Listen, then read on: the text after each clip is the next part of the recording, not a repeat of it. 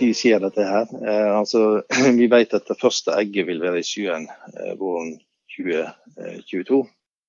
Cato Lyngøy forteller om det som mest må kalles en ørkenvandring fra den spede begynnelse i 2015 til at han nå ønsker seg ut av samarbeidet med Movi. Alt for å få realisert en idé han selv forteller kom fra oven. Jeg heter Kjetil Svendsen.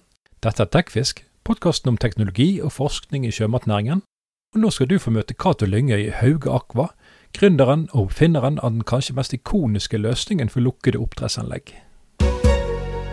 Cato Lyngøy, du er mannen bak det som skulle bli symbolet på løsning for en laksenæring hjemsøkt av lus og plaget av rømming. Hvor kom ideen til egget fra? Ja, Den kom jo i, eh, i bønderommet før dagslyset kom. Han hadde sannsynligvis blitt lei av å høre om både lus og rømming, som har jo vært en del av min, ja, min yrkeshverdag i, i, veldig mange år. Så denne morgenen så spurte jeg om uh, kan ikke bare få ditt perspektiv. Og Der eh, forma det seg et bilde for mitt indre øye av dette egget, da, som skulle stå i sjøen som et isfjell med 90% under vann og 10 over vann. Og eh, jeg så jo at dette kunne være en lur ting, og det er jo der vi da har eh, gått videre på. Ja, så det var, starten, det var starten på egget, og så har det vært mange gode hjelpere og mange skritt underveis. da. Vi snakker jo om et egg med et høyde på 44 meter. Hva annet er det som skiller det fra det vi er vant til å ha på frokostbordet?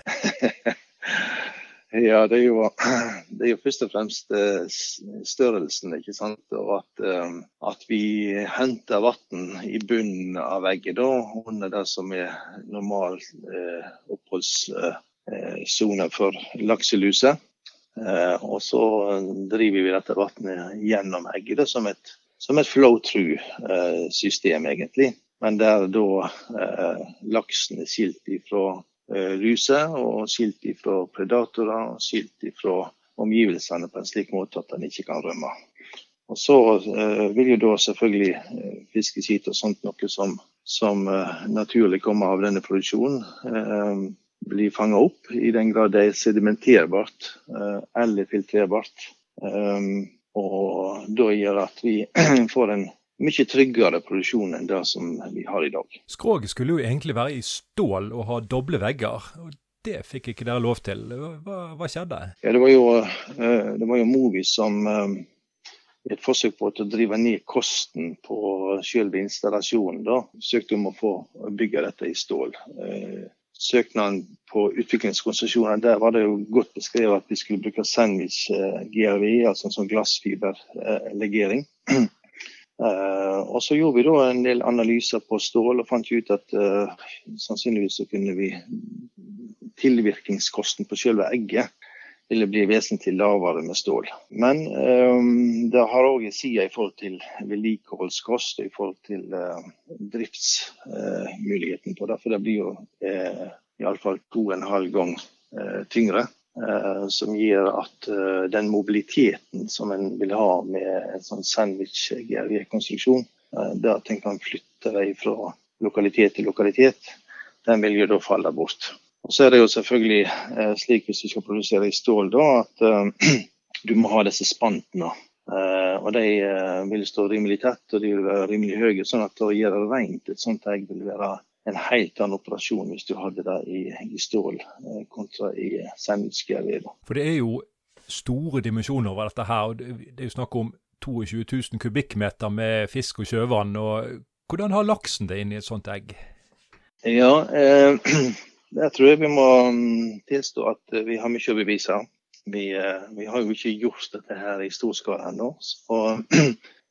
Men vi tror, eh, basert på det vi kan om fisk, at han skal ha det bra, fordi at han eh, får en mye jevnere temperatur. Um, slipper å håndtere han slik som vi gjør med dagens uh, produksjon. Um, han får jevne oksygenforhold og, og, skulle ha da uh, tilgang på lys som vi kan styre 24-7.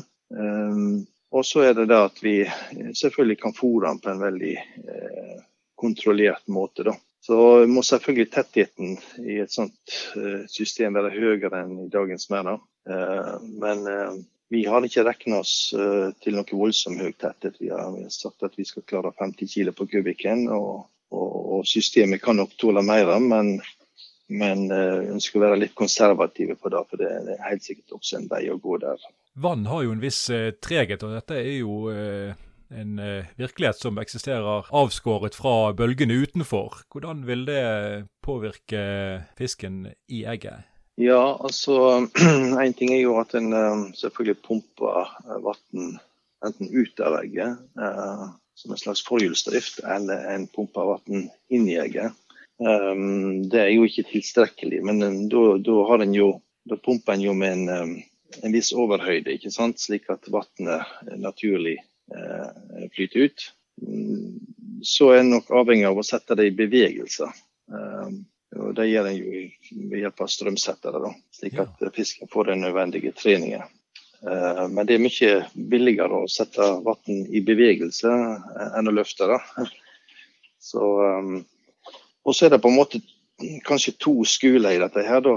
Ehm, den ene skolen som, som tenker at uh, en skal klare seg med minst mulig vann, og heller behandle det eller tilvirke vannet på en sånn måte at det er optimalt. Um, den andre skolen at en, en, skal ha tilstrekkelig med vann, en skal ha overskudd med vann. Det har jo da selvfølgelig en energikostside. da. Vi tilhører vel den skolen som mener at vi må ha veldig god kapasitet på vannutskiftning. Så vi har sagt at uh, en normal driftssituasjon, da skifter vi vann en gang i timen. Men vi skal ha kapasitet til å skifte inntil to ganger i timen. Og så tror vi at, uh, altså Grunnen for at vi kommer til den konklusjonen, det er at uh, vi tror at å drive fisk opp til slaktestørrelse vil være en helt annen øvelse enn å drive den fram til et kilo. I dagens merder så har vi den situasjonen at uh, vannet kan bli skifta ut veldig fort når det er strøm. Men strømmen kan jo selvfølgelig variere. da. Så vi tror at uh, det å ha evne til å skifte ut vannet i enheten raskt er, er viktig. Uh, det kan også være en situasjon der du får ting inn i egget som som ikke nødvendigvis eh, er godt for fisken. og Da òg er det viktig å kunne ha kapasitet for å skifte ut vannet raskt. Det vannet som går inn, ble det renset på noe vis?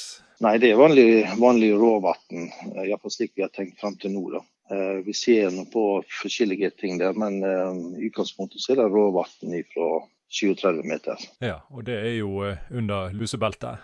Ja, det skulle være bedre. På det første egget vårt så, så stikker jo ikke det mer enn 17 meter. så det er jo vi tror at det òg skal være eh, tilstrekkelig, men eh, jeg tror det kan variere veldig fra lokalitet til lokalitet. Og I fjor så fikk dere endelig tildelt en lokalitet, eh, og det gjelder hele sjøfasen til fisken? Ja, vi, vi har jo valgt Romsdalsfjorden som satsingsområde for denne nye teknologien og for, for etableringa av den mørkegrønne konsesjonen vår. Eh, og Der har vi jo søkt tre lokaliteter, da, eh, hvorav den første kom gjennom i fjor. Geilbukta, som heter den, ligger i Langfjorden. Eh, og, og, Der kom altså, fikk altså egget tildelt en lokalitet som i en fjord som har vært ja, politisk stengt, må vi vel kunne si, for oppdrett i mange mange år. Det må jo være fjær i hatten? Ja, jeg syns det var en veldig oppmuntring. Da. Og det viser at Eh, hvis vi kan vise til en teknologi som rydder veien lus og, og, og rømming, og gjør dette trygt for, eh, for villaksen, eh, så, så, blir det en åpning også på, i områder som per i dag er, er stengt. Nå er det rett nok rett å si at vilkåret her var at vi skulle drive og lukke hele syklusen, som, som, du sa. Men i tillegg så ønsker selvfølgelig myndighetene at teknologien skal være mer moden og utprøvd før, han, eh, før, vi får ta i bruk den lokaliteten. Da. Når blir disse planene realisert? Ja, Det spørsmålet har jeg jo fått mange ganger. Når skjer dette her? Eh, altså, vi vet at det første egget vil være i sjøen eh, våren 2022. Det blir ikke da dette postmålt-egget vårt som vi skal ha i den mørkegrønne konsesjonen. Det er litt mindre egg, da? Ja, det er ca. en tiendepart av volumet av det store altså knappe 2000 kubikk. 21 eh, meter høyt og 15 meter bredt. Så det er liksom det første. Og så eh, er vi på jakt etter partnere nå som kan være med å realisere det store egget. Eh, der har vi et ønske om å produsere en tre-fire stykker i serie for å få ned kostnaden. Men ikke bedre, da. Vi tror at det er en veldig fordel hvis vi kan, kan teste dette ut hos flere brukere og dermed få en mye bredere tilbakemelding på hvordan ting fungerer. Og jeg tror at det er en raskere vei til et standardisert produkt da, eh, enn om vi skal bare ta én og én. Du er selv veterinær og har eh, lang eh, fartstid i oppdrettsnæringen. Sånn sa en, en gammel kollega. Hva de, hva det nå de enn mener om meg, så kan de ikke ta ifra meg at jeg har lang fartstid. og Det er jo både en fordel og, og en ulempe. Jeg ser mest på det som en stor fordel, fordi at en en har med seg en historie som, um, som gjør at en uh, skjønner at denne næringen er ekstremt syklisk. Det går opp og ned. Um, en har sett ting som fungerer, sett ting som ikke fungerer. Um, og nå har vi jo hatt bak oss mange gode år med superprofitt og, og fantastisk, egentlig. Eh, og Det unner jeg alle de som har tatt stor risiko gjennom mange år. Men eh, folk på min alder de husker jo òg uh, de skikkelig tøffe tidene hvor eh, en ikke visste om en hadde eh, penger på konto til å betale lønninger. Og eh, kvidde seg hver gang banken slo på tråden. Så det har vært forskjellige tider. Men som fagmann da, så må jeg jo si at jeg, jeg har jo vært på en reise der jeg har sett at faget har virka i næringen. Faget har gjort at vi har løst mange av utfordringene våre kanskje den sterkeste eh, beviset på det er jo vaksineutviklingen. Eh, som har bidratt til at, eh, at en har fått ned den biologiske risikoen i produksjonen. Og, og, og den største, kanskje den mest den største forandringen skjedde jo da når vi fikk frankulosevaksinen på 90-tallet. Um, og så har det vært mange viktige steg etter det. da. Men også dette at en, eh, en ser uh, betydningen av faget i uh, smittehygiene, i brakklegging, i måten vi forvalter fisken sin, sin, sin helse på. Um, og da, må jeg jo tilstå at det er jo med en, det er jo med en viss sorg at jeg vel har kommet til den konklusjonen at sånn som næringen har forvalta fisken sin, sitt ve og vel de siste årene, Eh, sånn kan det ikke fortsette. Eh, og nå har jo i tillegg da rensefisken sitt vedvelk også kommet eh, opp i dagslyset. Så jeg tror, Derfor så tror jeg òg veldig sterkt på at flytende lukka teknologi har et utrolig viktig bidrag i næringen. Ja. Så er jo situasjonen veldig forskjellig langs med kysten. Noen har veldig lite plager av denne lusa, andre har veldig store plager. Dessverre så går det altfor ofte utover laksen sitt i vel. Du har eh, også bakgrunn som ansvarlig for teknologi og miljø i det som da het Marin Harvest. Eh, og det var også Marin Harvest som ble samarbeidspartner for dette prosjektet med egget? Ja, det stemmer. Um, det var jo slik at uh, um, de var jo ikke ukjent med at jeg gikk svanger med en, uh, en mulig løsning for flytende lukka oppdrett uh, i, mens jeg fortsatt var hos dem. men um, fikk veldig klar beskjed, og han som var min sjef den gangen, han, eh, han følger, at, uh, at, hvis jeg ville ha noe bit i dette, så måtte jeg slutte. Um, og det gjorde jeg. Um, kjente vel veldig sterkt på at dette skulle være noe som ikke bare var uh, for Marin Harvest, men også for næringer som helhet, og kanskje også utover vår næring. Um, så det var en, det var en tøff beslutning å, å ta det, og gå ifra en uh, veldig god jobb i, eh, i verdens største oppdrettsselskap. Eh, mange gode kollegaer. og ja, alt det som følger med og være med og påvirke næringen gjennom en sånn, sånn jobb um, til å starte for seg sjøl. Men uh, det valgte vi å gjøre. Så ble det Hauge Aqua. Og, og, i 2015 så lanserte vi da teknologien på, på Aquanor. Um, og Da var det jo ikke lenge før uh, altså da heter Marine Harvest uh, meldte seg som uh, interessert industripartner. Ja, og Samme året så kom jo endelig de første utviklingskonsesjonene. og Marine Harvest søkte om 14 tillatelser for 10 egg. Hvordan gikk det? Ja, Det var jo en fantastisk timing med de utviklingstillatelsene. og Vi var jo en av de første som sendte inn søknad. Um, sammen med, med Movi. Det, er jo Movi som som søkte og, og, skulle ha retten til tillatelsene eh, via retten til teknologien. og så, så skulle de da betale for utviklingskost og, og eggene og fisken og testingen. Som du sa, så, så, søkte de 14. Um, og i første omgang fikk vi bare fire. Det var helt klart en stor skuffelse. for det en veldig viktig del av dette var jo å få gjort dette i skala. Og så ble den etter hvert økt til seks. Noe som vi var veldig takknemlige for, og tenkte vel da at nå, nå får vi dette i gang. Da var også antall egg kraftig redusert til, til, fem store egg. Én pilot, som det heter, og så fem store. Så det var, var startpunktet i, i desember uh, 2017. Ja, for det, det, koster å utvikle disse skrogene, og det var vel snakk om nærmere 600 millioner for ti egg? Ja, det var en tidlig kostnadsestimat. Um, og som så ofte i, eh, i, utviklingsprosjekt, så blir jo ting litt dyrere underveis, før det etter hvert blir billigere. Så det var jo en negativ eh, overraskelse da inn i prosjektet at vi, vi tenkte, eller hadde vel et måltall da, om at vi skulle klare å produsere disse eggene for rundt 50 mill. det viste seg å ikke være tilfellet. Og det hadde nok med at uh, denne konstruksjonen aldri var laga før. Uh, og, og, det fantes ikke gode analysemodeller på det. Og i tillegg så hadde en ønske om forskjellige funksjoner inn i dette som, en, som gjorde at uh, kostnaden ble dratt opp. da. Og Her kommer jo prisen for et egg i kompositt, som ville bli langt høyere enn et i stål, som vi snakket om tidligere. Men samtidig så kunne du lokke med at en kunne få ut 10% mer fisk av egget enn av et konvensjonelt anlegg. Hvordan er det mulig?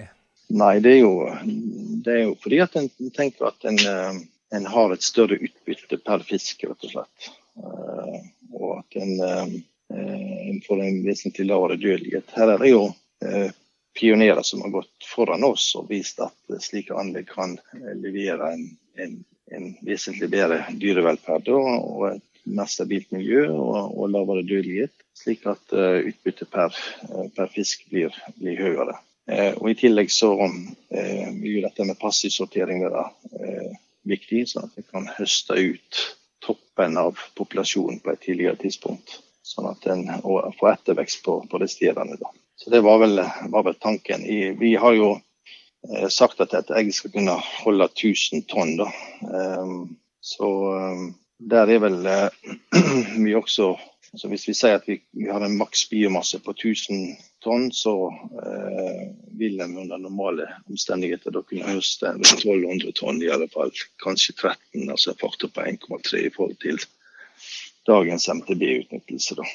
For de lytterne som ikke vet hva biomasse er, så er det snakk om 1000 tonn fisk? Ja, stemmer. Samtidig med at eh, kostnadene ble høyere, ønsket ikke Movi lenger å svare på om prosjektet ville bli realisert. Hva var det som skjedde i kulissene der?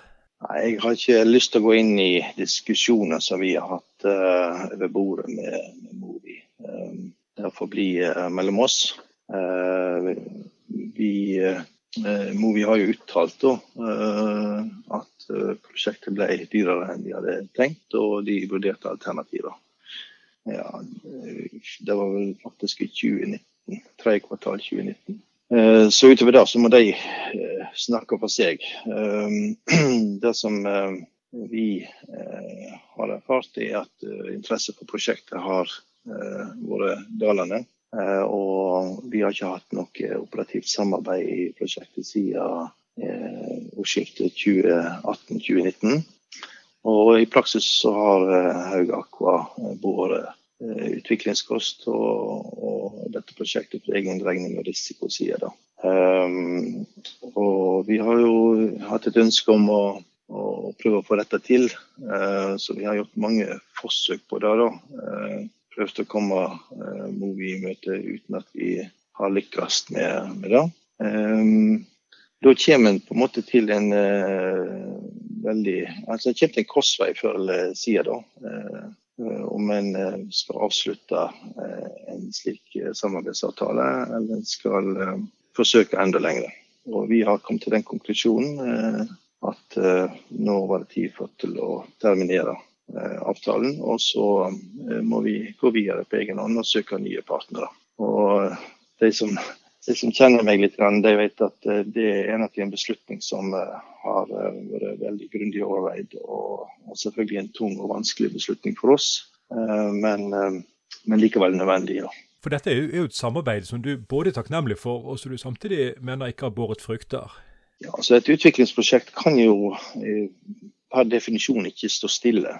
Altså, det vil i praksis bety at uh, vi blir akterutseilt, og vi har allerede tapt uh, viktig tid. Uh, så vi må bare kjøre på og satse på at det kommer nye muligheter. Så vi tenker vel nå at vi skal sende inn en søknad om forsknings- og utviklingstillatelser som selvfølgelig har en helt annen valør eh, enn eh, utviklingstillatelsene.